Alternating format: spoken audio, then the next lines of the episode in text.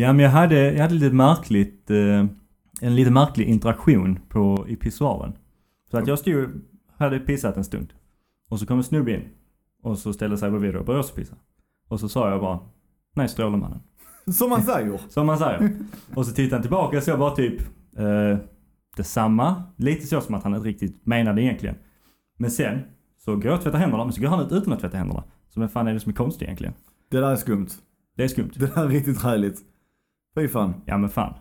Ja, tv- tvätta händerna i pissoaren. Ja det är det jag menar. Ifall, ifall jag ska få en handtralla av mina bros, då vill jag fan att de ska ha tvättat händerna först i alla fall. Och jag märker att vi är tillbaka på vår vanliga gayskämt. Ja, kör introt.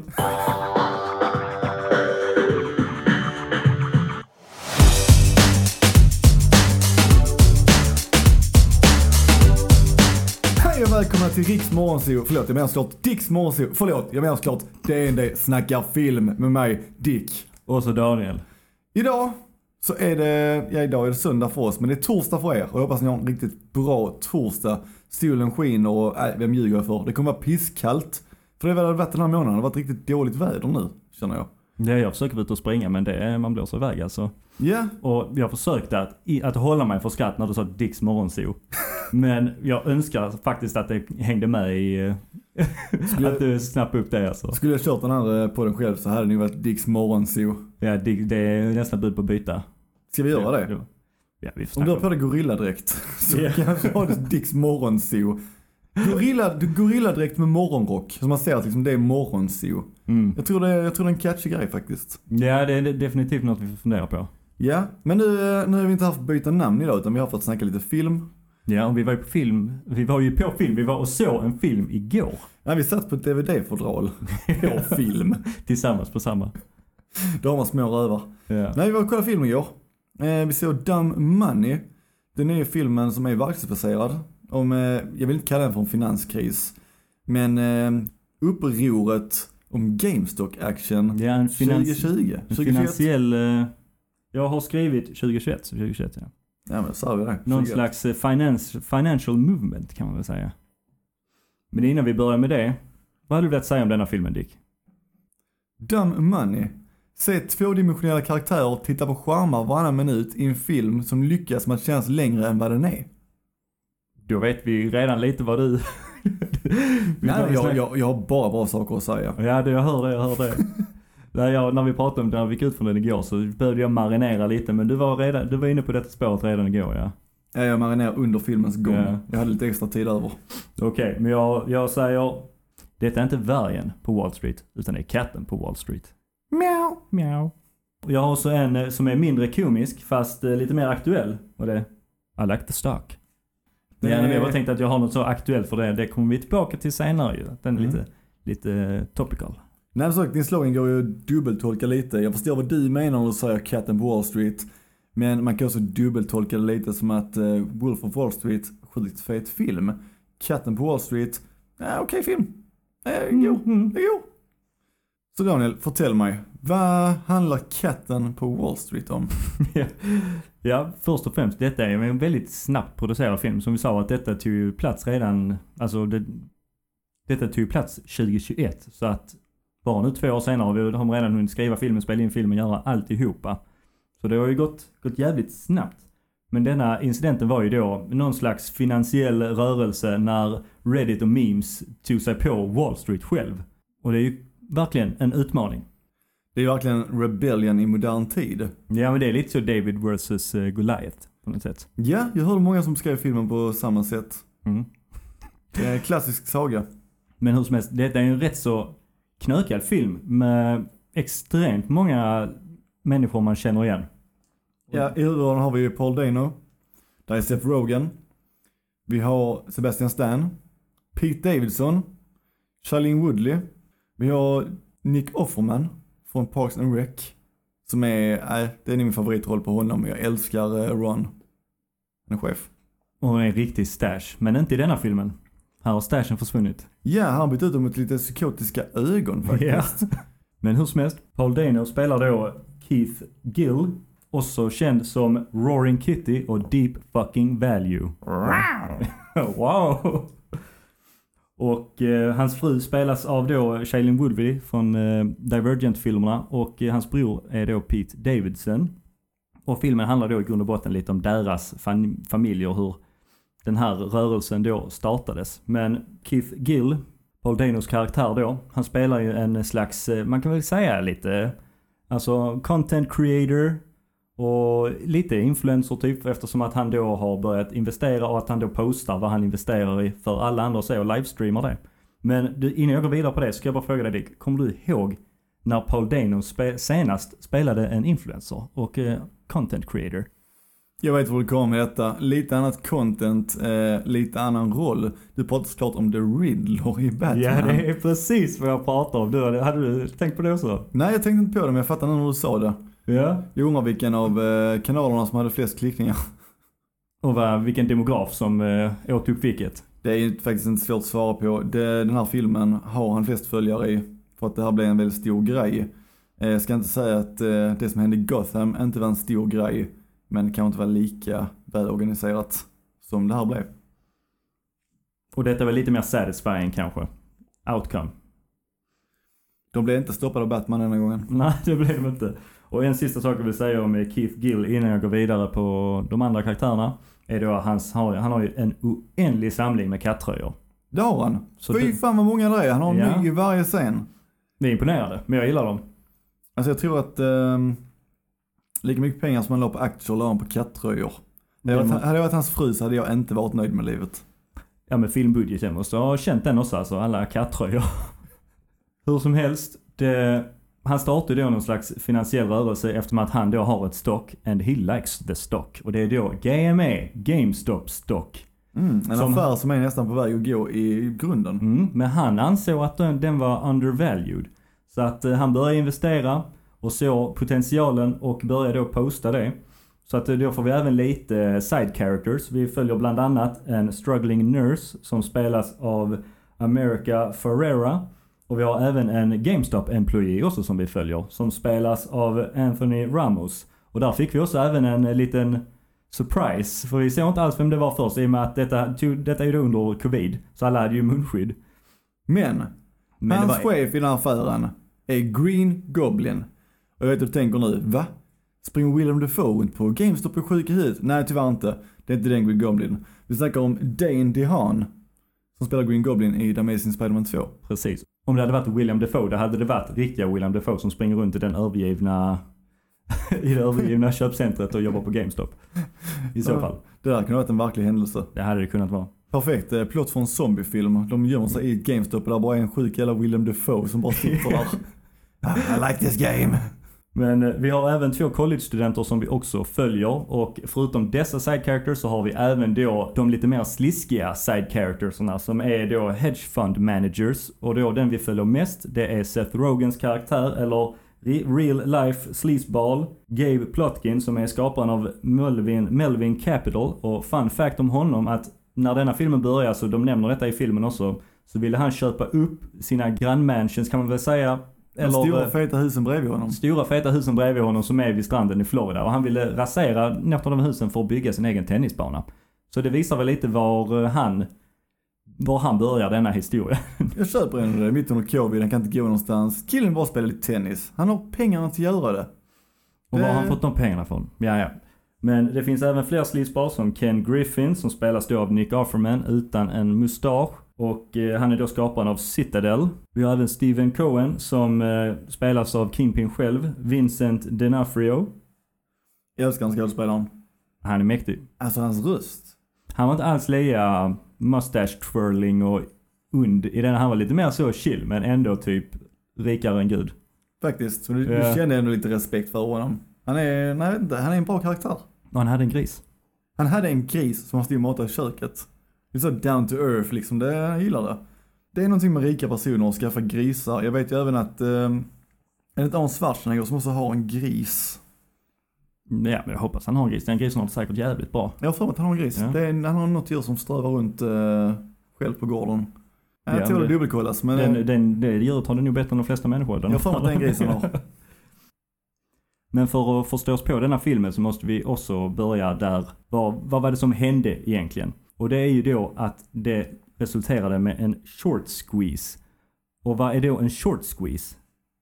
Ja, kort och gott så är det lite en omvänd eh, investeringsstrategi. För vanligtvis så är planen att man ska köpa lågt och sälja högt. Men i denna strategin då är det att du ska sälja högt och köpa lågt. Jo, då lånar du ju aktier. Men vadå lånar? Aktier köper man ju. Ja, men då lånar du aktier och säljer dem. Men vad måste du göra när du har lånat någonting Dick? Måste lämna tillbaka det. Man måste lämna tillbaka det. Men deras förhoppning är ju då att de ska lämna tillbaka aktierna de lånar för en bråkdel av priset som de då precis har sålt det för. Och detta brukar hända under en väldigt kort tid att, eh, att eh, priset går ner. Så det är därför man då hamnar i en short position kallas det för. Så då gör man det med företag som man är rätt säker på kommer tanka. Ja precis, att de kommer gå ner. Och när en stor hedgefund tar ut extremt höga short positions på ett företag så kommer detta ju också sätta mycket mer press på detta företaget och folk kommer bara ta för givet att, att det går skitdåligt och att nu säljer vi och att eh, nu, det, detta kommer sätta mer press på företaget så att det kommer också pressa ner priset ännu mer. Om du fattar? Ja, ungefär som du skulle skrika skeppet sjunker och folk hoppar av i ren panik för att tänka så är det verkligen som att skeppet sjunker. Ja men det, ja, men det var en perfekt metafor. Men det var ju inte riktigt det som hände här, att eh, det, Nej, priset gick ner som folk hoppades på. Eller ja, som han hoppades på. Eller de hedgefunds hoppades på. Ja, Men det som hände här var ju då att till exempel då Keith Gill och hans eh, Reddit-armé. De fattade ju då vad de gjorde. Så att de började köpa och köpa och köpa och tvinga upp priset. Och eh, när det var dags att börja köpa tillbaka aktierna som var lånade. Då var priset helt plötsligt, ja, jag vet inte hur många hundra procent högre. Så att eh, detta kommer ju också i sin tur, eftersom att han då har tagit ut så extremt höga kvantiteter av, eh, av aktier. Så måste han ju köpa tillbaka sådana löjliga summor och detta kommer ju skjuta upp priset hur högt som helst. Och det är ju detta då som är en short squeeze. Mm. Eh, en snabb googling visar att aktien gick upp 134% under tiden som de försökte detta. Ja, och ifall han då ska köpa tillbaka fler aktier än vad som ens finns. Så dramatiska ökningar. Då kan vi också nämna att det var inga små summor som var investerade i den här aktien. Det var rätt så stora summor. Det var extremt stora summor. Måste investera stort för att göra pengar. Ja, och det är lite där eh, konflikten i denna filmen också föds. Att, eh, för det är mycket av filmen som spenderas under tiden som det håller på att stiga. Och det är här det här eh, Ape Strong, Ape Together Strong och Diamond Hands kommer Mm. in. Att eh, man ska hålla, man ska inte vika sig och låta hedgefunds vinna. Utan du ska kämpa igenom och hålla ihop. Tills priset är så krystat som det bara absolut kan vara. Så det är där mycket konflikten kommer. Det är mycket college-karaktärerna är ju hela tiden på så. Åh, köpa, sälj, köpa, sälj. Hela tiden. Mm. Vad de ska göra liksom. Och alla följer då vad Roaring Kitty gör. Så han blir lite ofrivilligt frontmannen för detta. Ja men det kan Eh. man verkligen säga. Men det ser ut för att han, han menar egentligen inte att starta den organisationen utan han pratar om någonting som han var passionerad för. Och folk hängde på för att de såg att han var passionerad och han trodde på det.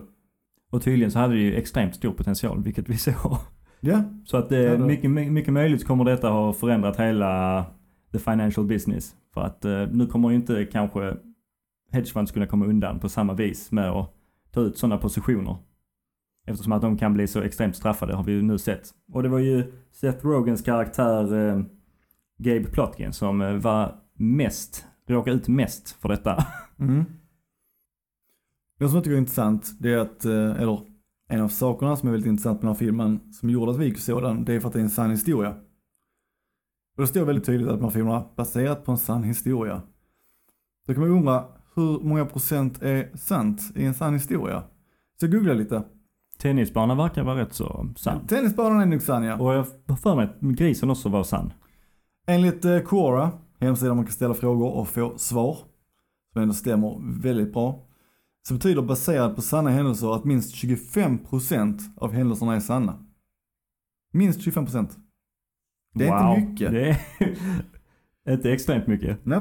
Kollar man sen här i kontrasten att inspirerad av sanna händelser betyder att eh, nästan till ingenting är sant. Kan baserat på en plats eller att, nej men vi tar eh, en buss, eh, en buss. Och vi tar en film som Speed, Ken Reeves, Sandra Bullock. Inspirerad av sanna händelser. Någon åkte en buss någon gång. Och de åkte den rätt så snabbt. Ja det behöver inte vara det. Eller snabbt under lång tid Den kanske. kan jag gå inte. normal hastighet men någon åkte en buss och någon bara så, hmm, tänk om. Inspirerad av sanna händelser. Ja, man kan står inte säga inte- att de inte har sant. Så är det. Nu står ju dock inte det i eh, Speed, att den är inspirerad av sanna händelser, men det är ungefär vad man kan göra med det konceptet. Om man är lite kreativ. Ja, eh, vild fantasi i alla fall i så fall. Men då blir det lite spännande nu eftersom att vi har redan varit inne på att du var lite mer på det negativa hållet Mm. än vad jag behövde marinera lite och jag skulle säga att jag är lite mer på det positiva hållet idag. Så Oh. ska du börja ifall du har en kortare lista med positiva saker än vad jag har att säga så ska vi låta dig börja Dick. En sak som räddar den här filmen, eh, det är ju faktiskt skådespelarvalet. Jag tror att eh, de här skådespelarna är extremt platt skrivna. De har ingen karaktärsutveckling under hela filmen, utan det enda som utvecklas i den här filmen är action. Actionpriset utvecklas. Ingenting annat utvecklas. Eh, men de har sett bra, väldigt kända skådespelare som gör det mesta de kan med de här små rollerna de får. Paul Dano gör ett extremt bra jobb. Pete Davidson är Pete Davidson. Seth Rogen är Seth Rogen. Jag skulle ju argumentera att Seth Rogen inte var riktigt lika mycket Seth Rogen som Seth Rogen brukar vara. Jag, jag kan inte komma ihåg ifall han skrattade. Nej det gjorde han inte. Det var inte det klassiska Seth Rogen-skrattet. Nej. Men annars var det, han gjorde det, det Seth Rogen run över gräsmattan. han eh, han eh, satt i cam, lite svettig. Fick lite så här nervous breakdown. Jag vet inte, det är saker som jag kan säga Seth Rogen får allihopa. Det var Seth Rogen-esk men det var inte helt och hållet. Den Nej, var, det var lite, det var det inte. avgränsad lite från eh, hur mycket det brukar vara. Mm. Eh, jag tycker att allt som allt så är det en intressant historia. Och jag tycker även att eh, filmen är välgjord för att vara den filmen den är. Det där lät konstigt. Jag tyckte, ja, men jag förstår det helt och hållet faktiskt. Jag håller med dig. Ja, Att eh, det här konceptet kanske bara, det finns ju många filmer om finans och så. Men när jag fick höra att denna filmen skulle komma ut om just denna händelsen tyckte jag också det lät jättekonstigt att, jaha hur, hur roligt kan det vara att titta på? mm. Och ska jag börja med, ska jag köra på mina positiva? Ska du det? Kommer du berätta om din ångest i det positiva eller kommer det negativa? Jag vet inte var jag ska sätta det egentligen. Du måste berätta om din ångest. Ja, och, mina, och min personliga upplevelse av eh, hela...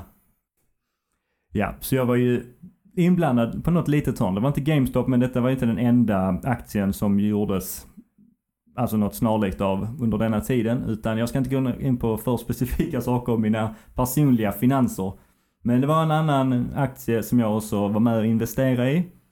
Och det var hela denna röran som jag faktiskt började kika på aktier från allra första början. Så jag läste lite på några forum och lite så och fick något tips att jag skulle köpa den här aktien. Så det var detta som lite fick in mig till att börja investera. Och eh, ja, det gick ju väldigt bra till början men eh, FOMO tog mig. Om, för de som inte vet så är det fear of missing out. Och då är det ju att eh, man höll där i diamond hands som alla andra. och så tankar ju priset ner igen. Men det, är ingen, det var inga större extrema summor pengar så det är ingen större skada skedd. Och jag tog ut ungefär mitt eh, originalinvestering men jag hade kunnat ta ut mycket mer men så är livet. Men det finns faktiskt en röd tråd i det hela och detta var ju som sagt då händelsen som fick mig att börja investera och börja spara för den delen och också börja tänka på vad man kan lägga sina pengar och det skulle jag nog säga att det är en bra grej. Jag minns ju på jobb när du kom fram och berättade detta. Du var så taggad och glad. Och eh, jag minns att jag, jag kände lite glädje för din skull, men mest avundsjuka. Jag kände typ att vad fan, var- varför gjorde inte jag detta? Ja men typ. Och då var det redan i uppsvinget så att göra det då, det var lite för sent. Så att, jag, Så tror, nu är du glad att jag är nere på jorden med dig igen. jag vill inte säga att jag är glad. Jag vill säga att jag, jag tycker synd om dig, men sen samtidigt, ja lite glad är jag. Ja, Lite det glad man, lite skadeglädje får man ha. Men det var ingen större, det var ingen större fara. Det var, jag överlever. Det ena positiva är att om du hade varit mångmiljonär idag så hade vi sluppit sitta i min matsal och spela in. Då kanske vi hade haft råd med lite mer. Ja men snart får vi en lokal ju så. Ja, det blir studio snart. Men ja, det- Jävlar i Det det. berättar vi mer om en annan dag. Och sen var det inte några sådana summor ändå som jag låg inne med. Så. Men det är din vilda fantasi Dick. Ja. Okej, men de positiva sakerna jag har det är också karaktärerna som du pratar om. Att jag hade kunnat se denna casten göra vad som helst. Jag hade kunnat kolla en tre och en halv timmes epic om där dessa karaktärerna sitter i ett rum och kollar på när färg torkar. Och sen hade den här extrema plot kommit efter två och en halv timme när de är ute och kollar på när gräset växer. Vi hade varit där och jag hade varit inne i det alltså. Ja, jag tror att plot skulle vara att det var inte ens nymålat. Nej, jag var lite mer kreativ än så. Jag slängde, en sån riktig Ryan Johnson och throw you for a loop. Ja, ja det gjorde du. Och det var, för er som inte vet vem Ryan Johnson är, så är det snubben som fick eh, Luke att slänga iväg eh, lasersvärdet när han inte hade sett det på extremt länge. Och vad är det mer för lurigheter han har dragit till med? Oh, det är för mycket. Den Nej. killen har, uh, nej. Han är cheeky, det är han som gjorde The, The Last Jedi. Ja, Som skulle vara lite anti allt som var established från förra filmen. och den filmen var ju så välkommen hos fans. Fy fan vad jag älskar den filmen. Mm. Uff. Last Jedi, alltså jag har ju köpt den på Blu-ray, ramat in den, ställt den på uh, Space-kaminen där. Konstigt, jag har inte sett den. Ja, visst är det. Jättemärkligt. Den finns inte där, eller hur? Den finns inte där. Nej. Okej. Åter. Okej, då går vi tillbaka i alla fall. Men jag skulle anse också att detta är en rätt så viktig historia ändå att dela. Att... Eh, nej, men jag gillar karaktärerna extremt mycket och Paul Dano spelar ju denna karaktären så jävla charmigt. Och det är inte alls... Han håller sig humble hela filmen. När väl aktierna börjar gå upp och han blir den här lite ofrivilliga ledaren så håller han sig ändå liksom nere på jorden med oss. Och han håller sig väldigt fin med sina kattröjor och, och med sin eh, familj. Och hans relation med Pete Davidson karaktär, eh, hans bror då, tycker jag också, de har en bra dynamik tillsammans. De eh, skådespelar bra ihop.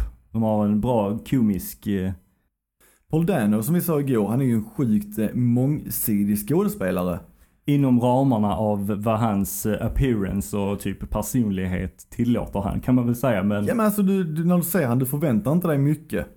Men han gör ändå mycket med det han har. Ja, men det tycker jag verkligen. Men han kan ju spela som vi såg Batman, han kan spela en riktigt sinister skurk. Men sen kan han spela liksom, som i denna filmen då, en väldigt eh, heartwarming, snäll karaktär som man bara vill roota för. Exakt. Det han inte kan spela det är typ Baywatch. Ingenting utan tröja. Jag hade kunnat, eh, jag hade kunnat ge det försök. Som drunkningsoffer.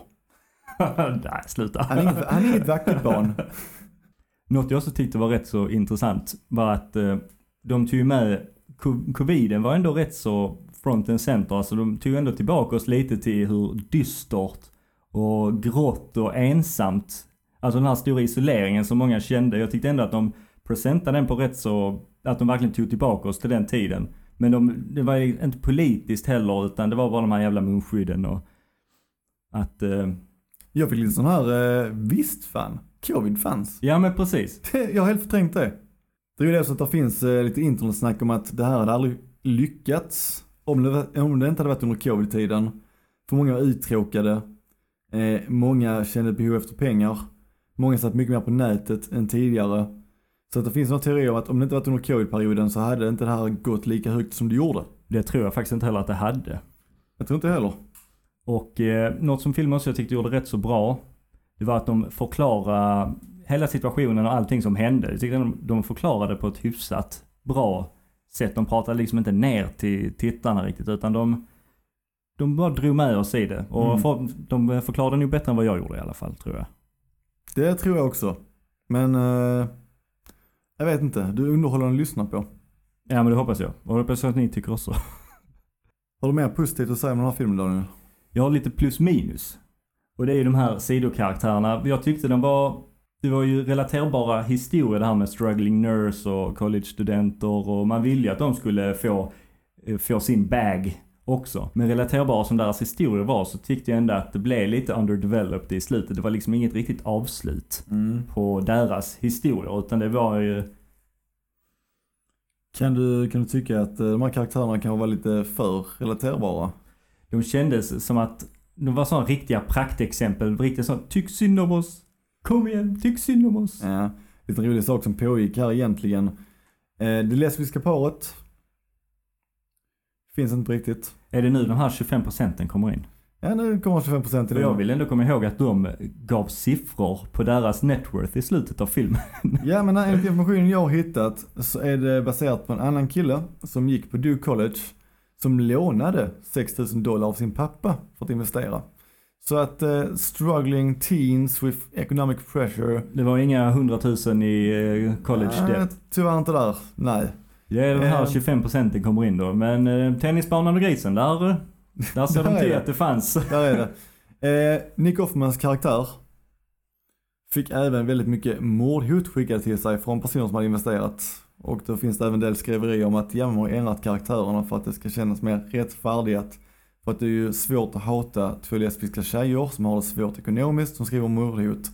Medan collegekillar som har farsor som är stenrika är lite lättare att hata kanske. Ja, visst, visst. Men det är lite därefter jag också kommer in på mina negativa. Min lista kanske är lite kortare än vad din negativa lista är. Kanske. Jag vill dock avrunda det jag sa nyss med att säga att det mesta av filmen är sant. De följer ändå hur det gick till.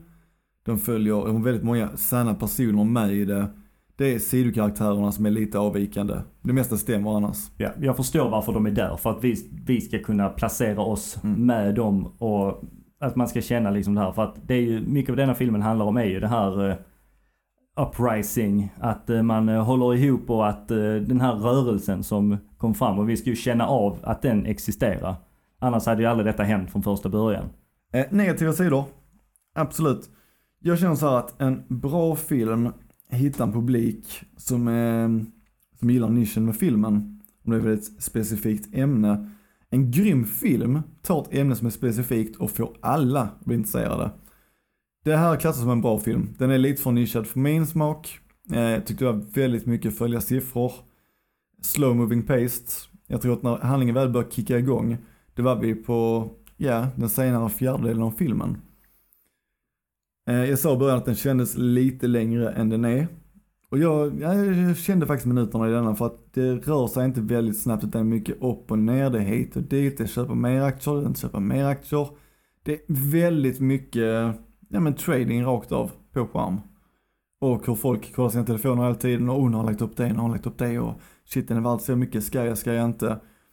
Hela nästan second och third act var det ju lite ältande kan man väl säga.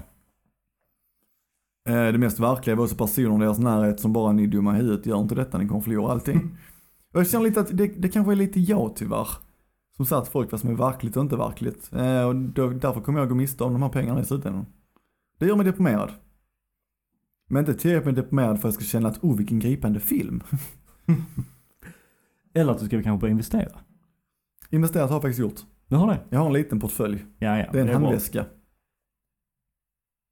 Har du mer negativa saker? Eller du knöt ihop säcken där, fint? Alltså, som sagt, det är ingen dålig film. Men det är inte, den är inte skriven till mig. Så att jag kommer inte klanka ner så mycket mer på den, utan jag kommer säga att jag... Jag tyckte inte det var spenderade... Jag tyckte att den kunde varit mer gripande än den var. Mm, men, men det... det var ingen dålig film, den är välgjord. De har lagt tid på den och de har ändå liksom tänkt efter när de har gjort den. För den här filmen kunde varit så mycket tråkigare än den var. Det håller jag med också. Men en sak som också är överraskande för mig att du inte gillar denna filmen. Och det är att Pete Davidson, han sa att han älskar dig. Han sa det! I love dicks! Han sa att han, I love dicks. I love dicks! Så tänk hur besviken han kommer vara när han lyssnar på denna podden och förstår svenska. Och eh, tänk hur besviken han kommer bli när han mm. älskar dig. Och ja. detta är vad, vad han får höra. Ja, Paul Dano är inte den finaste, men han har personlighet och han... Ja, men Pete, Pete Davidson har ändå sin... Eh, han har, han har sin nisch, det har han. Han har sin nisch, ja. har han. Skinny, skinny tall white guy med, ja, vi ska väl säga varierande grad av bra tatueringar. Nej men jag kan säga att om Pete Davidson skulle lära sig svenska och Miss Million börjar lyssna på Daniel snackar film så förlåt Pete. Det... Du sa ju faktiskt att du gillar ju karaktärerna. Det var ju det som... Det gör och jag kan säga utan karaktärerna och eh, deras eh, dynamik tillsammans så hade detta varit en skitfilm kan jag nästan säga. Det hade varit, alltså det hade varit. Det, karaktärerna gjorde 90% av filmen. Ja, det gjorde de verkligen.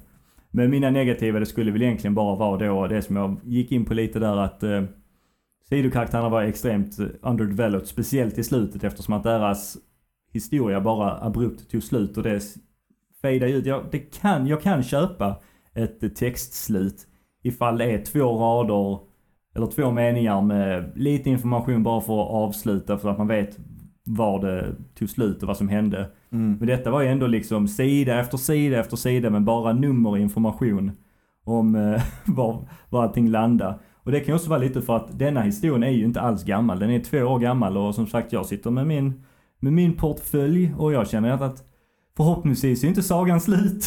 Man kan ju hoppas. Det som jag också har lite emot, det är att, eller emot, man måste göra det för att få till en film.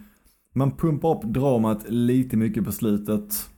Men den behövde ju verkligen denna filmen. Den behövde ju lite drama för att funka. Ja, men de på För att hålla sig över vatten. de håller på att snacka om att Keith Gill kanske kan åka i fängelse. Enligt de rapporterna jag har läst så var det inte det rättegången handlade om. Förhöret handlade om att man ville kontrollera marknaden för att se till att aktier inte kunde bli manipulerade i framtiden.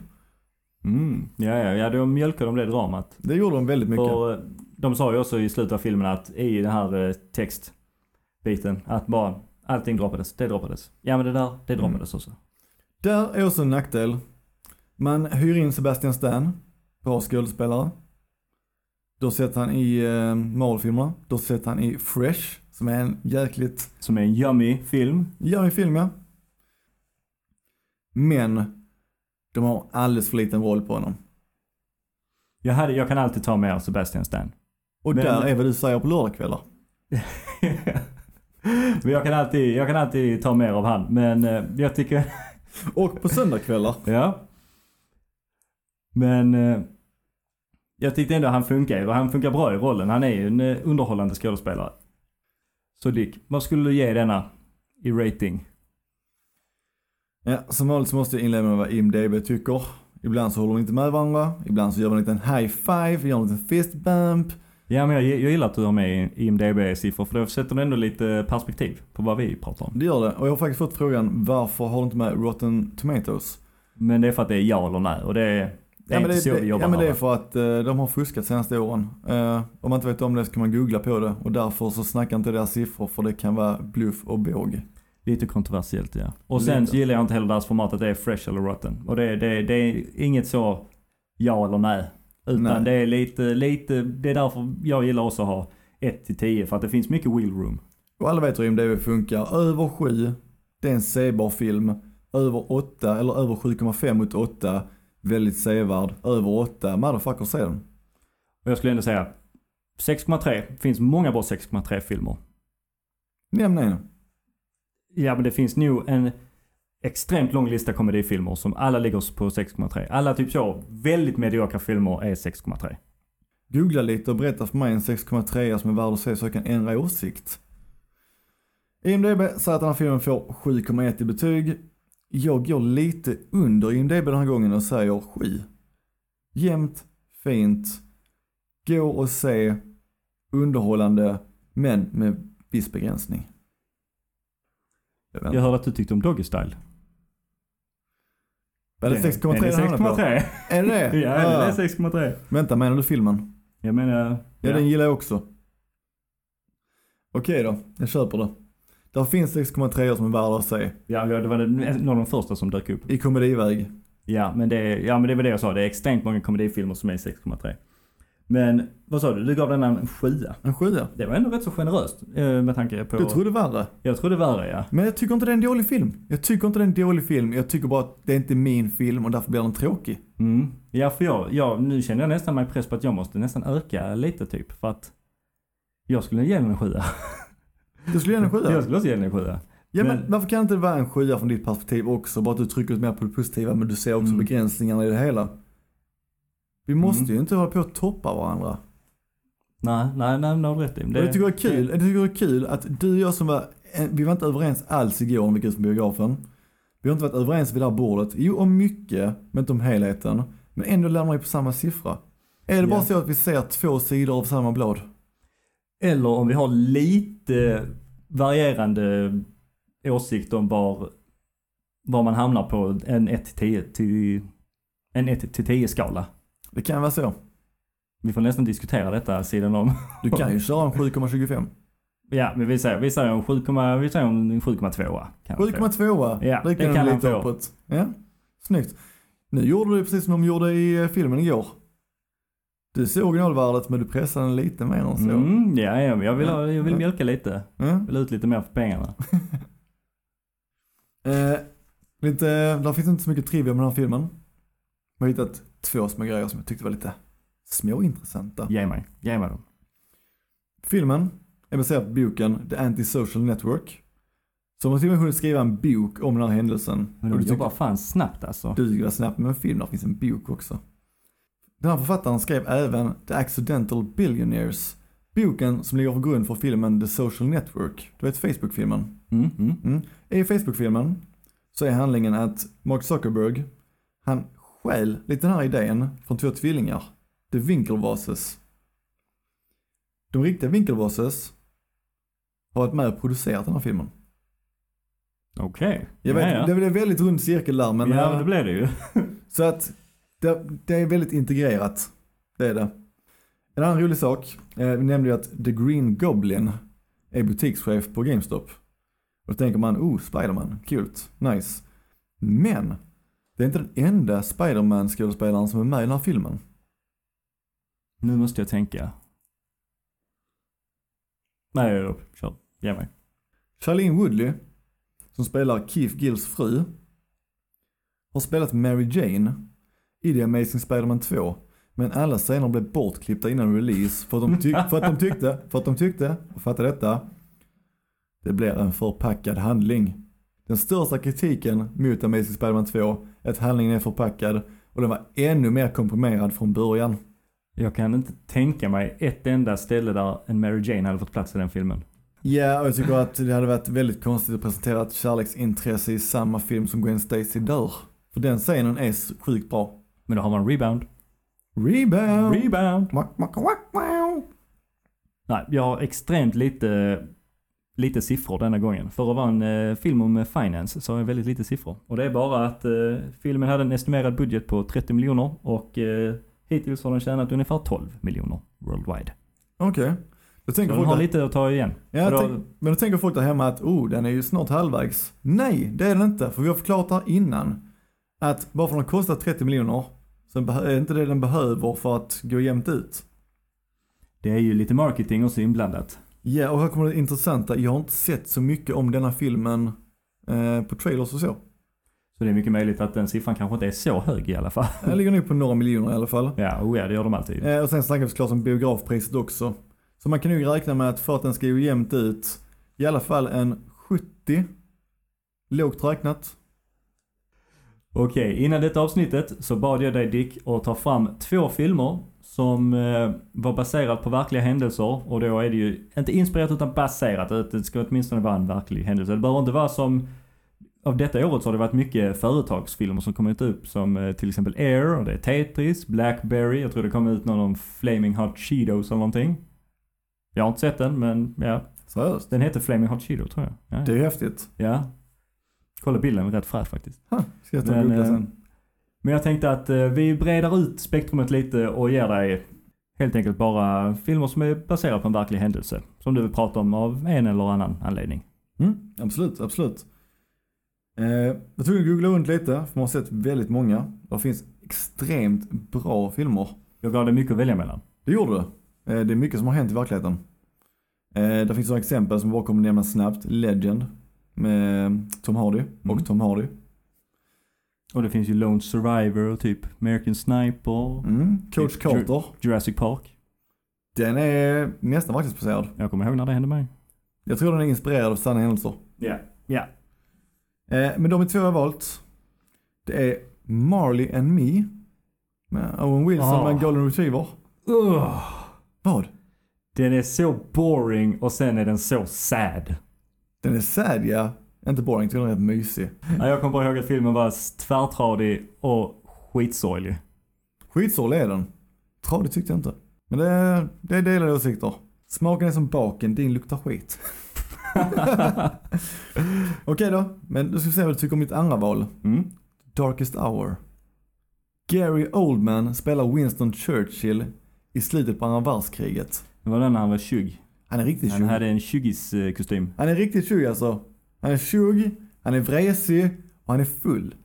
Ja, jag kommer ihåg när den filmen kom ut för att eh, jag försöker ändå kolla på Oscarsfilmerna som, alltså som det är mycket Oscarsbuzz om. Men jag kollar på den och bara, nej, jag pallar inte. Är det så? Ja, jag är med den bara alltså. Jag gillar den. Ha. Tycker den är svinbra. Ja, då får jag kanske ge den en chans då. Den är svinbra. Man ska säga den och så ska man säga Dunkirk efter. För de hänger ihop. Mhm, okej. Eller så om man är riktigt eh, entusiastisk så ser man Darkest Hour till punkten de börjar snacka om eh, The Beach. Och så pausar man, sätter på Dunkirk, ser den till segelbåtarna börjar komma, pausar, kollar Darkest Tower. Det Och så får man så, det från två perspektiv. det är så pass intricate alltså. Ja men det är det. Ja, det är ja, det. men då får jag kanske ge mig själv den upplevelsen. ja men gör det. Jag tänkte också bara slänga fram två filmer också som jag ville prata om. Mm. Och den första filmen jag tänkte prata om är Only the Brave som kom ut 2017. Har du sett den? Det har jag inte. Du har inte sett den? Nej. Nej, jag har en väldigt personlig historia om den här filmen. Oh. Och det, det är då en film som handlar om Josh Brolin. Och man kan säga att Miles Teller har sån, alltså en stor roll. Han spelar en missbrukare som ska gå med och bli en eh, brandman i Josh Brolins brandmansgäng då. De är riktigt nära detta gänget. De är verkligen som en familj. Så den har så mycket hjärta. Och när jag såg den här filmen, då var jag ju extremt bakis.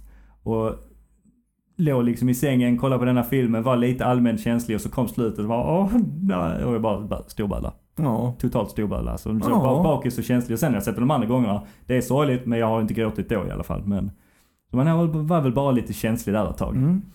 Och sen den andra filmen, den tror jag du kommer gilla. Och det är ju Hacksaw Ridge. ja fy fan. Tycker du inte om den? Nej, så jäkla lökig. Va? Nej. Andrew Garfield? Jag trodde du skulle gilla denna. Pajas. What? Ja, Här ja. gick på det. Jag Jaha, tänk- älskar Hacksaw Ridge, jag älskar Andrew Garfield. Ja men jag tänkte väl. Det vet du om att jag gör. Ja, det tänkte jag väl. Ja, det var därför, exakt, jag, ja. därför jag sa det ju. Ja. Ja, ja nej, du, du lurar mig. Du lurar mig. Ja, kul. Nej, men jag försöker ändå, när jag kan, försöker ändå ge Mel Gibson en liten klapp på ryggen. Han har ju varit lite kontroversiell i sin historia, men eh, jag tror ändå på en comeback story. Mm. Och när denna filmen kom ut 2016 så kom ju en annan film också, Bloodfather, som också är riktigt bra. Den eh, starar han i, men han director ju Hacksaw Ridge. Så han hade en liten, liten comeback där. Och Hacksaw Ridge är ju då, den har ju så mycket hjärta och den har liksom budskapet att det är ändå lite så mer passiv i och med att eh, Andrew Garfield då inte vill, han vill vara en combat medic, han vill inte ut och kriga utan han vill rädda folk. Så det är ändå, men sen har de ju fortfarande så jäkla mycket gore brother. Och de har köttet, de har krigsscenerna. Mm. Ja, det är ingen barnfilm direkt. Det är det verkligen inte. Nej. Något dock som gjorde mig lite orolig när jag researchade detta lite snabbt så. Och det är ju att Mel Gibson har en film som kommer ut nästa år, 2024. Vet du vad den filmen heter? Nej. The Passion of the Christ Resurrection. Va? ja! Skojar du? Nej, jag skojar Nej. inte. Jo, Oh my god. och jag menar det är ju lite då, det var väl runt där Passion of the Christ där Mel Gibson var lite eh, vild. Lite loony. Lite, lite loony ja. Så Mm. vi får se ifall det blir fler eh, voicemails eller vad som händer. För jag blev lite nervös nu när jag såg att det kommer en tvåa på Passion of the Christ. Men ja, det, det är väl eh, historien. Han kom tillbaka. Så Alltså han, får- han, får inte, han får inte bli för galen just han nu. för får att- inte gå tillbaka igen. Alltså han har ändå varit lugn länge och han hade ju sitt bra år där 2016. Sen har han Mm. varit rätt så, man har inte hört mycket från han sen dess. Eh, han spelade i uh, Boss Mode, spelade han skurken. En film om en kille som Mm. jag upplever samma dag. Jag tror jag har sett Om omslaget men jag har inte sett filmen. Skitfet, han dör om och om igen. Jaha, ja ja. Den är faktiskt, den är Ja, men han har Ja, haft små roller. Ja, jag har ju inte, jag har faktiskt inte sett Passion of the Christ, men jag vet mycket väl att det var ju under den tiden som det verkar som att det var då han var lite eh, vild. Mm, Så mm. vi får hoppas att eh, han är lugnare vid denna releasen. Så det, vi känner oss rätt så klara för den här veckan. Det gör vi. Eh, vår tävling pågår fortfarande. Mm, chansen att vinna två biobiljetter. Och när detta avsnittet släpps då finns det fortfarande några dagar kvar att, att delta. Det finns det. Så- Daniel, hur gör man? Det är bara till att gå in och gilla, följa oss på Instagram på dndsf podcast. Och du ska även tagga tre vänner i, i eh, tävlingsinlägget. Exakt. Vinnaren dras den 15 och kommer presenteras den 19. I nästa veckas avsnitt. Ja, nej men vi är nöjda. Så, Tja då! Hej!